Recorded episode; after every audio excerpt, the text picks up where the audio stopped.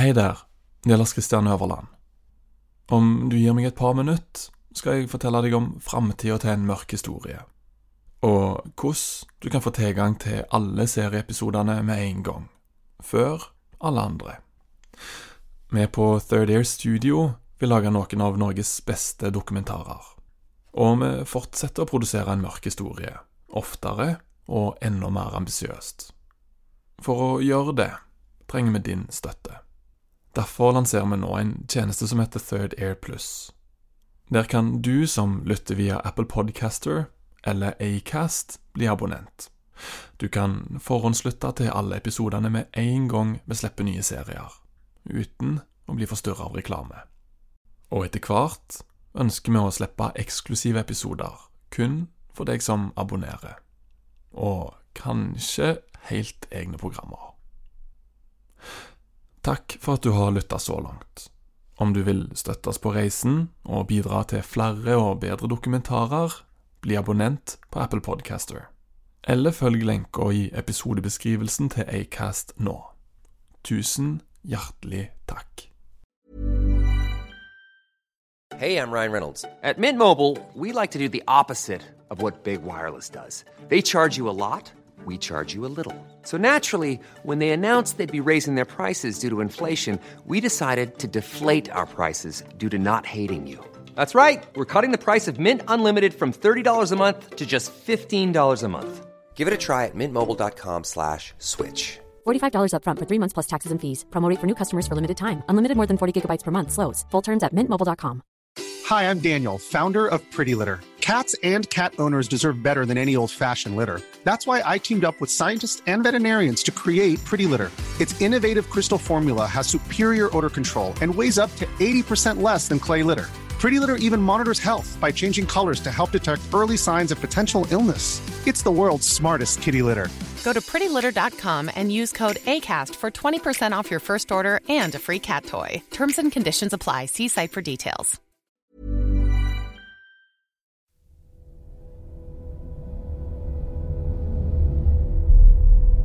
Børsa er jo så trygt og flott å vokse opp i, men en vet jo aldri.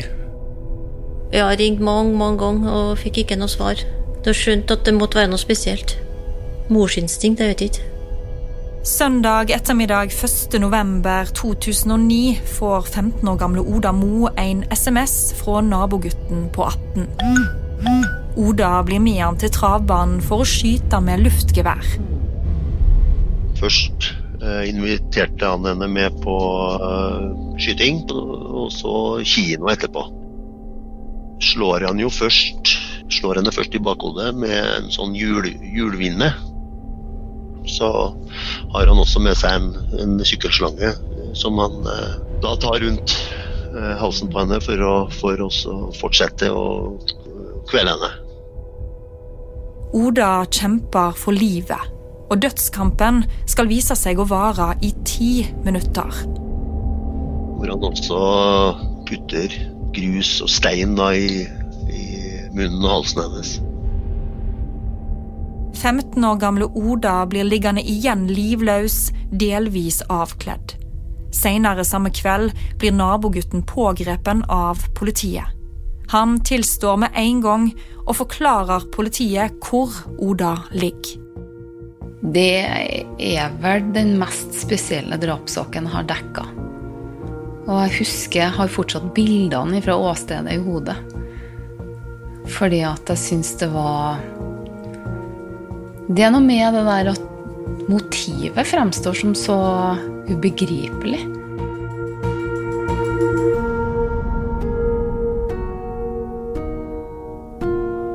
Du hører på en mørk historie 'Drept av nabogutten', del to av to.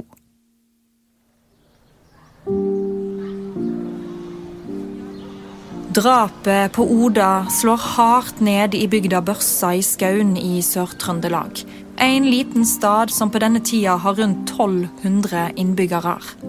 Familien til drapsofferet og gjerningspersonen bor bare 30 meter fra hverandre. Søndag 1.11.2009 får de beskjeden som endrer livet deres. Skaun kommune er preget av sjokk og sorg etter drapet på 15 år gammel jente i går. 18-åring avga uforbeholden tilståelse.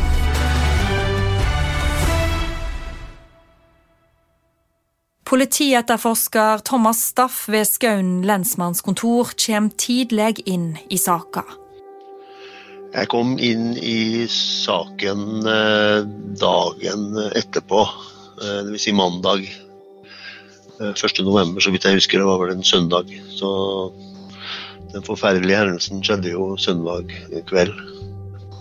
Så mandag så var det var det full start for uh, oss som jobbet ved lensmannskontoret lokalt her. Vi pågrep en 18 år gammel mann sikta for drap i går kveld klokka 22.46.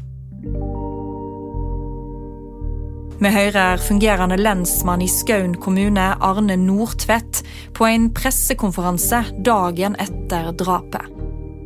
Familiene møttes jo på lensmannskontoret etter kort tid. Allerede dagen etter drapet blir det arrangert et møte på lensmannskontoret, der familien til Oda og gjerningsmannen møtes. I dag har begge familiene møtt hverandre. Det var jo etter kontakt i natt. Politiførstebetjent Odd Fossland uttaler seg til NRK Dagsrevyen mandag 2.11.2009 hvor vi orienterte om hendelsen og sånt. Så ga begge familiene uttrykk for at de ønska å snakke med hverandre. Og det er en ganske spesiell situasjon, for de er i nabolaget med hverandre. Og vil jo også i framtida må møtes. Og de har hatt en samtale nå som har gått over en time, og det er en tragedie for begge parter. Verken gjerningsmannen eller familien hans ønsker å uttale seg i denne podkasten. Far til Oda, Arvid Mo, forteller hvordan møtet med naboene kom i stand. De kom til oss, øh, kriseteamet, spurte om vi ville ha samtaler med forbord, for de var jo også knust. Og det gjorde vi. Vi møtte dem nede på lensmannskontoret og prata.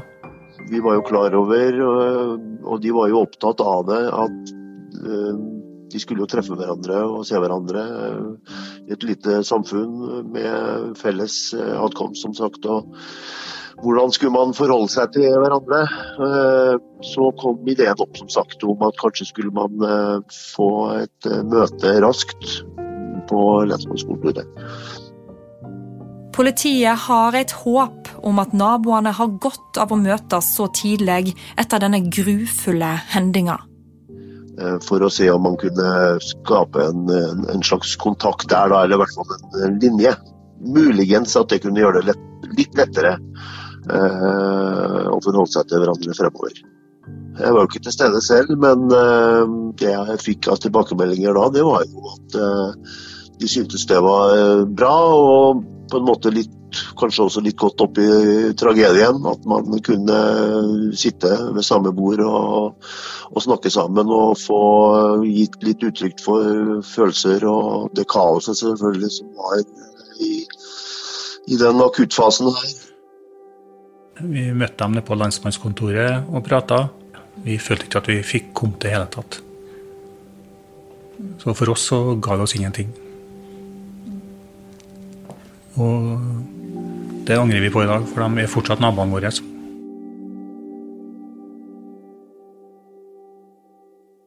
Fordi gjerningspersonen tilstår så kort tid etter drapet, tar ikke etterforskninga så lang tid. Dermed kan også rettssaka starte opp relativt raskt.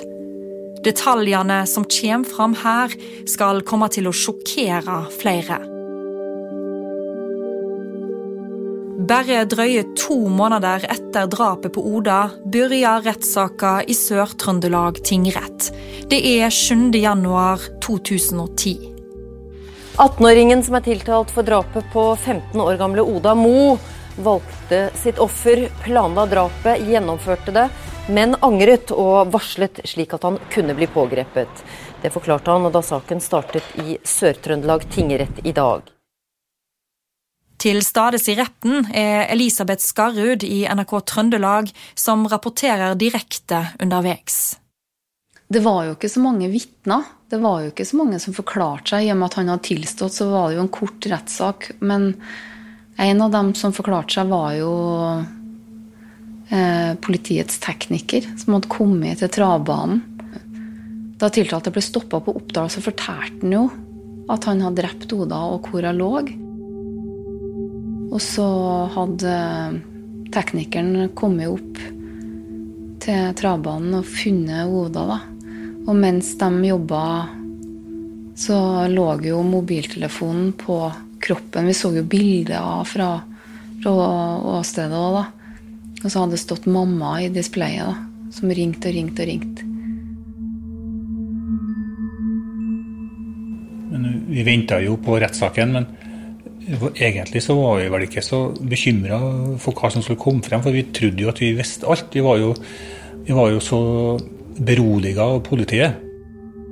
Foreldra til Oda Mo bestemmer seg for å ikke være til stades i retten. Nei, Nei, vi ville ikke være i retten og se han i øynene. Det var en nabo som var her istedenfor oss, da. Som var far til en av bestevenninnene beste venninnene til Oda siden barndommen. da. Vi unngikk alt som eh, ikke var bra for oss, som kunne eh, gjøre oss deprimert. Og, og vi hadde jo forklart, fått forklart hva som skjedde med Oda. Og vi hadde jo faktisk en avtale med politiet der vi skulle gå gjennom nøyaktig hva som hadde skjedd, eh, for at vi skulle være forberedt hva som ble sagt i retten og komme ut på avisene og radio og sånne ting. Men så ble det avlyst. Politiet sa det at nei, men dere vet jo alt sammen, så vi trenger ikke å ha det møtet. Vi avlyser det. Men det er spesielt én ting som kommer fram i retten som overrasker familien. Og det var jo det som var så, så bittert at vi ikke fikk vite på forhånd, detaljert litt. Tiltalte ga en detaljert forklaring om drapet og erkjente straffskyld. Fram til nå har foreldra til Oda levd i den tru at dattera deres ikke har lidd. At hun mista bevisstheten etter det første slaget.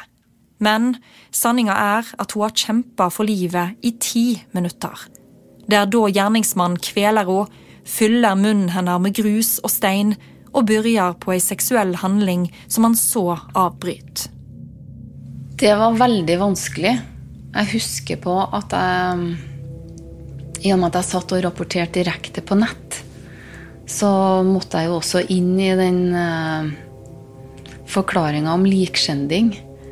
Og det var etisk veldig vanskelig. Ja, det greide ikke å holde meg unna nettavisene, så jeg fikk uh, alt sammen uh, usensurert, om å si det, for de satt jo der i retten og la det rett ut på nettet. Når jeg sitter der og leser om alt Dødskampen i ti minutter, sto det. Det kom som et sjokk. Ja, det var helt forferdelig. Og så, og så jeg hadde jo fortalt vennene til Oda at hun hadde ikke lidd noe av alt sånt, og så kom de og fortalte meg, for de leste jo dem òg, om at jeg løy, liksom. Og følte meg helt uh, forferdelig, egentlig. At, at, jeg, at, jeg, kunne si noe liksom sånn da, som ikke var sant. da, Men vi visste jo ikke noe annet, vi. Etterforskningsleder Thomas Staff forstår at foreldre opplever dette som svært tungt. Det var jo et lite Man hadde jo et lite håp da selvfølgelig om at hun kanskje da midt oppi det hele ikke hadde lidd. Det er jo sånn man tenker. Men uh, når, de, når, de, får den opplysningen og informasjonen, så gjør jo det ting bare enda verre, tenker jeg. Når de vet at deres egen datter har kjempet for livet og kjent på dødsangsten. Ettertid så var det jo bra at de fortalte oss det, for det hjalp oss å komme gjennom den første fasen der uten å tenke på at jeg hadde forferdelig, en forferdelig dødskant. Og det var det har vært ille, syns jeg, hvis at vi har visst av det. Tiltalte har erkjent straffskyld og forklarer at han angrer. Spørsmålet alle i den vesle bygda i Sør-Trøndelag nå stiller seg, er hvorfor nabogutten tok livet av Oda. Å få etablert et motiv viser seg å være utfordrende. I alle fall et motiv politiet normalt forventer seg i drapssaker. Det gjør drapet på Oda Mo til en av de mer spesielle drapssakene i norsk kriminalhistorie. Litt av oppgaven om å etterforske en sak, det er å prøve nettopp å finne, finne motiv, altså prøve å forstå handlinga, og kanskje også forklare handlinga, men eh, det er vanskelig, altså. Vi har jo Det er jo psykologer og psykiatere som har prøvd å forklare det, men de, eh, det er vel ingen som har greid å forklare det. Jeg skjønner det ikke, for det her har jo foregått over lang tid. De tankene hans det er jo ikke noe impulsivt. Etter hvert som han fikk forklart seg så, og forklarer seg, så kommer det jo ikke fram et motiv som vi tenker på i en, i en sånn sak. Altså, sånn tradisjonelt. Det vi tenker på, det kan jo være kjærlighetssorg eller hevnmotiv eller men her har det jo ikke kommet fram et sånt motiv. Det er jo sånn med drapssaker at hvis de handler om rus eller ære eller penger, så klarer man å som utenforstående å, luke dem litt bort, for du føler ikke at de angår deg i så stor grad. Men i den saken her så Det er ikke noe motiv, det er nabogutten drap er jo i utgangspunktet på en måte meningsløse. Eh, ethvert drap er jo et drap for mye. Men jeg skulle til å si mangel på ja, det vi tenker på som motiv, det gjør det jo enda mer, enda mer meningsløst. Det var jo spekulert i om det var noe kjærlighetsforhold mellom dem, men jeg syns ikke at vi fikk noe svar i retten på at det hadde vært det heller, og at det var noe motiv. De har ikke vært Det er ikke noe kjæresteforhold, men de har Ja, man kan vel beskrive det som, som venner. Det reflekteres jo òg i dommen da, om at det var en ren henrettelse. Og et tilfeldig offer. I rettssaka i Sør-Trøndelag tingrett forteller mora til gjerningspersonen at han er en vanlig gutt, blid og nøyd, en som aldri hever røysta hjemme. Men det siste året har han hatt litt problem. Og Det kom jo fram at drømmen hans var jo å bli jagerflyver. Og han hadde vel selv eh, tatt en test da, for å se om han kunne klare å komme inn på, på flyskolen. Den testen den uh, slo vel ikke godt ut for hans vedkommende, da, så det var vel en veldig stor nedtur. Så Da falt det vel litt i grus, men uh, det forklarer jo ikke det her, da. Mor til den tiltalte forklarer i retten at sønnen endra seg den høsten han begynte i andre klasse på videregående skole. Ett år før drapet. Hun forteller at han var skolelei, at han ikke lenger var like glad. Han var nedtrykt og åt lite. Ja, han fikk jo problemer og avsluttet jo andre klasse videregående og søkte seg jo inn i militæret. Under rettssaka kommer det fram at han skal ha prøvd å ta sitt eget liv, bare måneder før han drep Oda. Denne våren rømmer han også hjemmefra og blir etterlyst av familien. Etter tre dager finner politiet han på Bygdøy i Oslo, der han har sovet utendørs. Ja, vi får jo vite at han eh, hadde vel hatt noen få samtaler med psykolog. At han var deprimert. Men eh, utover det så kom det vel ikke fram noe veldig mye spesielt. Han har jo venner. Jeg synes ikke at jeg fikk ikke helt inntrykk av at han var en enstøing. Jeg fikk jo ikke inntrykk av at han var den som hadde et sånn veldig stort sosialt liv heller. Men verken det ene eller det andre er noe spesielt unormalt. There's never been a faster or easier way to start your weight loss journey than with PlushCare.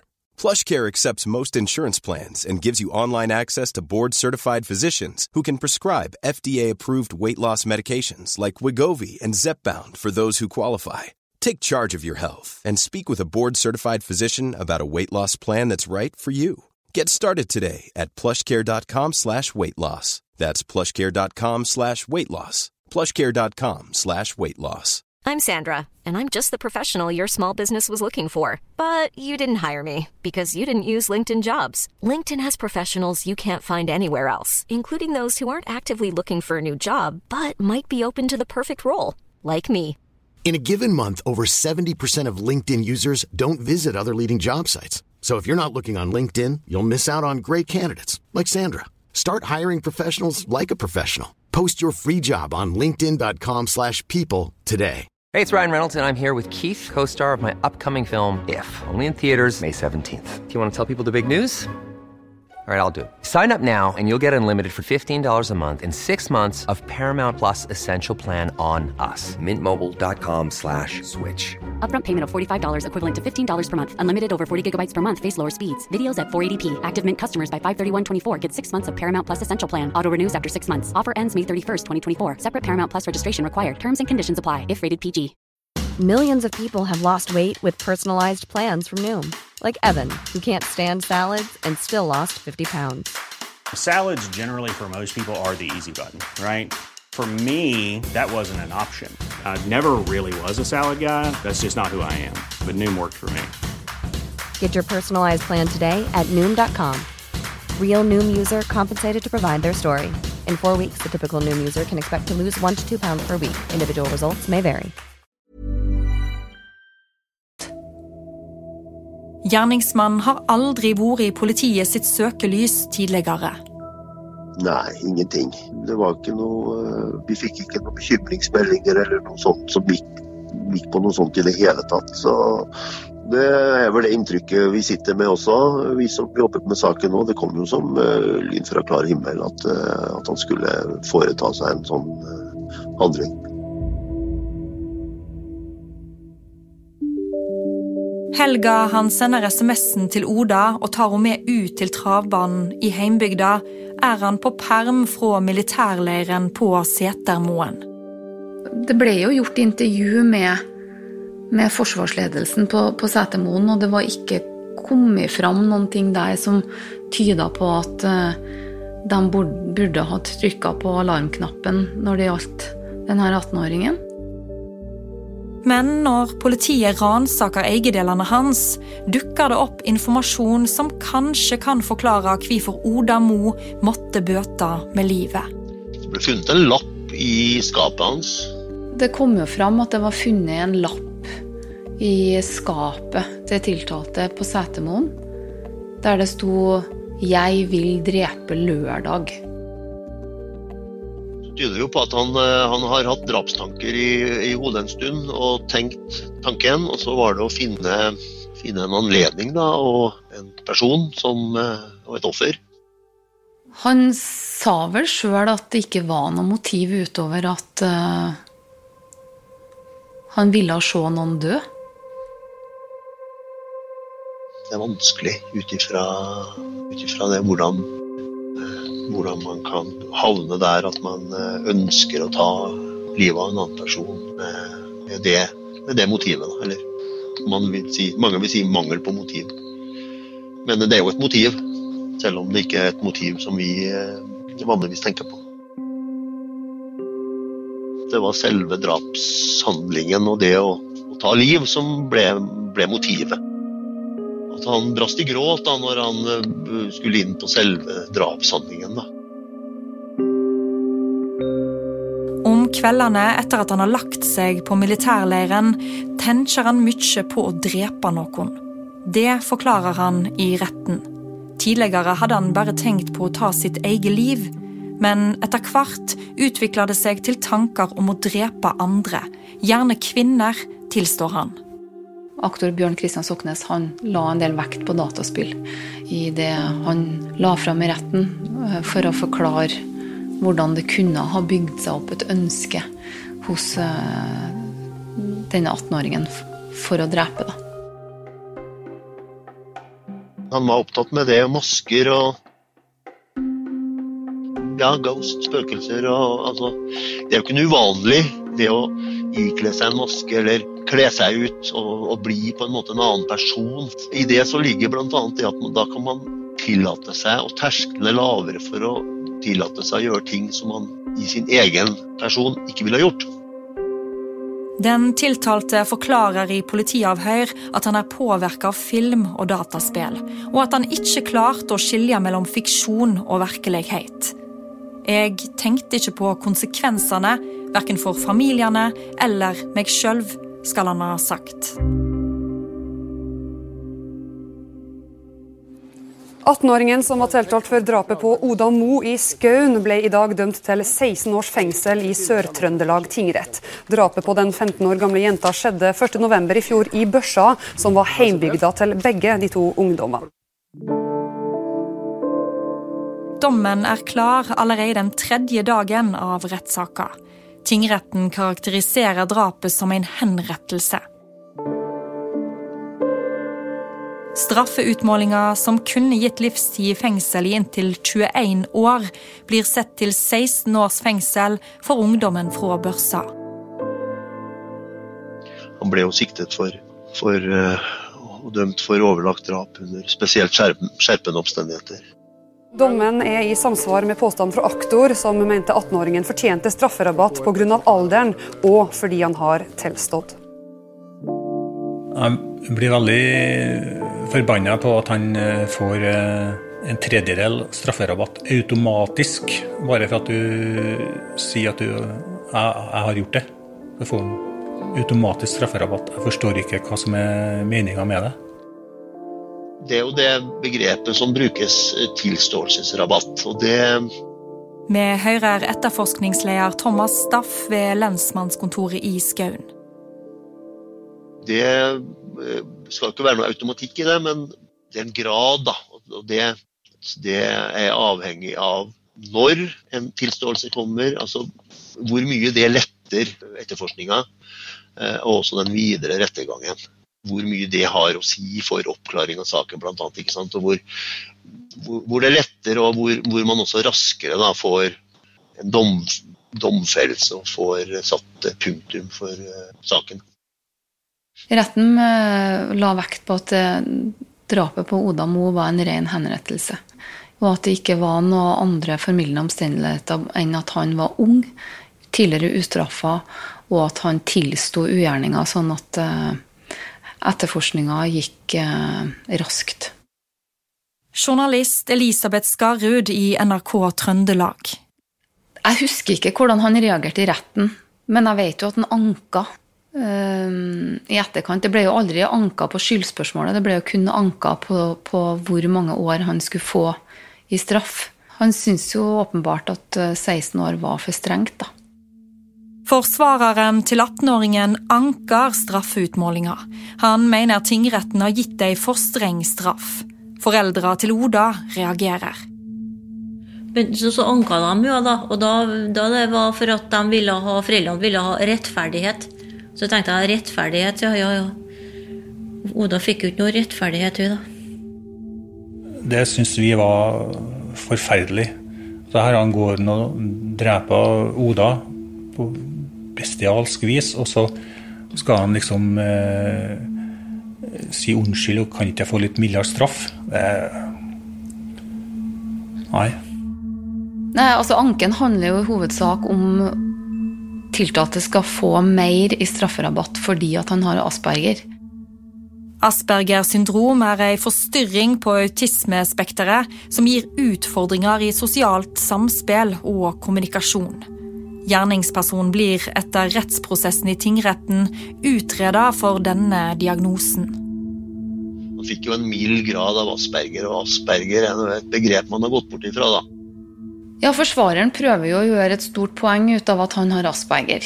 Det jeg husker best, var vel kanskje fra Frostating lagmannsrett, da en overlege på Brøsset her forklarte seg. Brøset er kompetansesenteret for fengsel, sikkerhets- og rettspsykiatri ved St. Olavs hospital i Trondheim. Eh, om hvordan den diagnosen kan spille inn i en sånn type handling. Og han, han var jo veldig tydelig i retten på at, at han har en såpass mild variant at det skulle ikke ha noe å si. Lagmannsretten deler oppfatninga til tingretten om at drapet på Oda Mo er en henrettelse. Den mener tingretten har gitt ei passende straff. Forsvaret vinner ikke fram, anken blir avvist. Så ble det anka, og så ble anka avslått, og så ble det anka til Høyesterett. Anken til Høyesterett blir også avvist på samme grunnlag. Fengselsstraffa på 16 år blir dermed stående. Etter dommen har falt, må de to familiene i den vesle bygda Børsa holde fram med å forholde seg til hverandre. Ingen av dem velger å flytte. Det er nok litt spesielt at begge familiene bor eh, på samme sted fortsatt, etter så mange år. Nei. Det er ikke noe kontakt. Eh, når vi ser bilen deres stå utom butikken, så kjører vi til en annen butikk. Heldigvis da, så bor vi i to forskjellige gater. Selv om vi bor nærme, så er det to forskjellige gater. Så det er veldig veldig sjelden at vi treffer på hverandre. Og når vi ser dem, så unngår vi dem. Her var Oda sin plass, for her er hun født og oppvokst og sånn. Her skal jeg bo. Og huset vårt har vi bygd sjøl, og det skal vi, ja. Det er ikke noe godt for oss å forholde oss til dem, så vi, vi eh, vil ikke ha noe forhold til dem. Vurderer dere noen gang å flytte derifra? Nei, aldri. Jeg er børsværing, og det var liksom der Oda er født og oppvokst, så vi skulle ikke flytte. Vi bestemte oss for det ganske tidlig. Oda hun bor der ennå, hun. Mm. Rommet hennes står akkurat sånn som det var før. Så vi må bo der.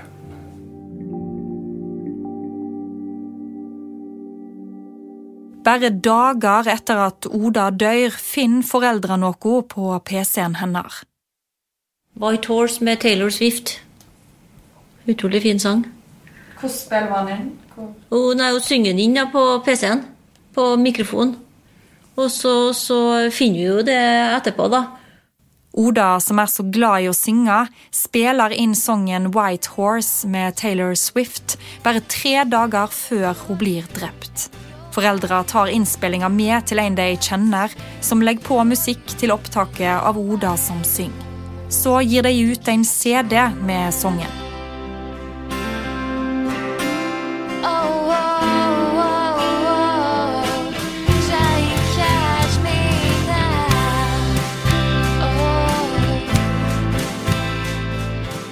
Solgte jo 500 CD-er. Har gjort det. Og hadde vi jo konsert på Byscenen i Trondheim her òg, med gamle musikere.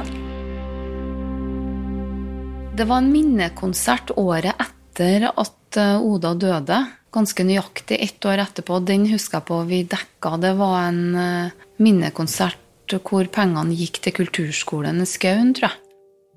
Gikk det minnefondet til Oda. Mandagen, tirsdagen etter at det hadde skjedd, der, så hadde vi bestemt oss for å gi alle pengene, konfirmasjonsgavene hennes, til kulturskolen. Ja. Og, Sanggruppa. Ja, sanggruppa. Og da liksom, Det var utgangspunktet for hele minnefondet. da. Og sangen var jo veldig spesiell for Oda, så jeg tror nok at hun setter pris på det. Mora og faren oppretter Oda Mos minnefond, som deler ut stipend til ungdommer som er opptatt av sang og musikk i Skaun kommune.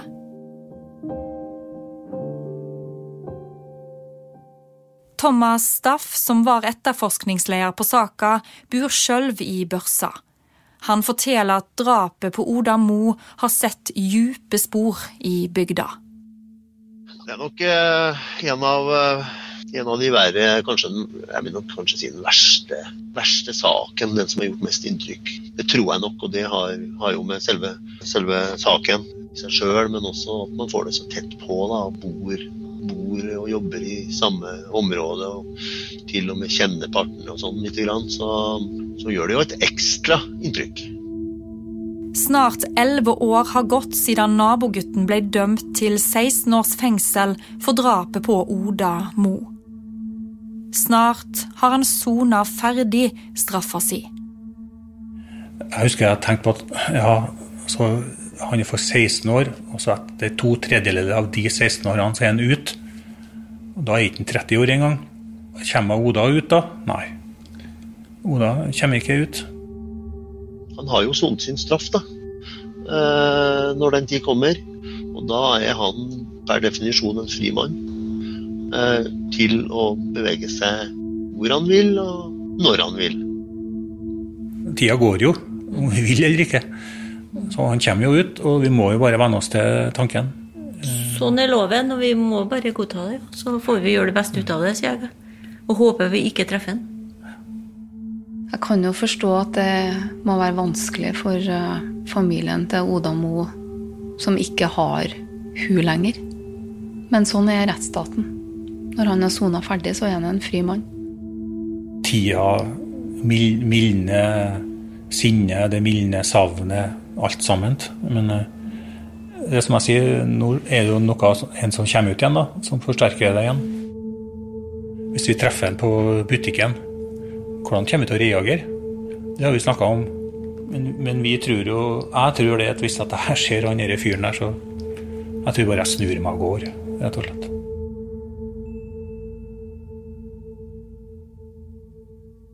Minnet etter Oda lever videre. Ja, vi ble jo besteforeldre i 2019. Ja, å prate så galt og telle det allerede gjør hun. Det er en stor glede. Hun heter for Ovedia. Hun er oppkalt etter Oda. Oda. Oda jo, var jo så positiv og alt mulig sånn, da, og med musikk og Og så bestemte jeg meg det at eh, jeg ville ha det sånn jeg òg, sånn som Oda hadde. Jeg skal ikke ha det noe, noe tristere, da. Så, så eh, jeg skal ta tilbake livet mitt, ja. Og da, da ble det mye lettere. Hun var usedvanlig, ja, unormalt glad siste månedene. Hun stråla, gløda i øra. Når jeg sier de at vi skal ta igjen livet vårt, så tenker jeg på hvor godt Ola hadde det faktisk det siste halvåret. Når vi var, var i klassen hennes og fortalte, så var det jo var det en der som sa at ja, men hvem skal hjelpe meg nå, da, når noen terger meg, sier For det var Oda. Og ei anna sier hvem skal hjelpe deg med tysklekser? Og så så vi tyskboka hennes. Jeg sto det Oda, Oda, Oda så hele veien med hjertet rundt. Så blir veldig sånn overraska over hvor mye hun hadde betydd for andre folk. Så, så Nei, vi er skikkelig stolt ja, vi er så stolt av, av at det Ja, det er vi virkelig.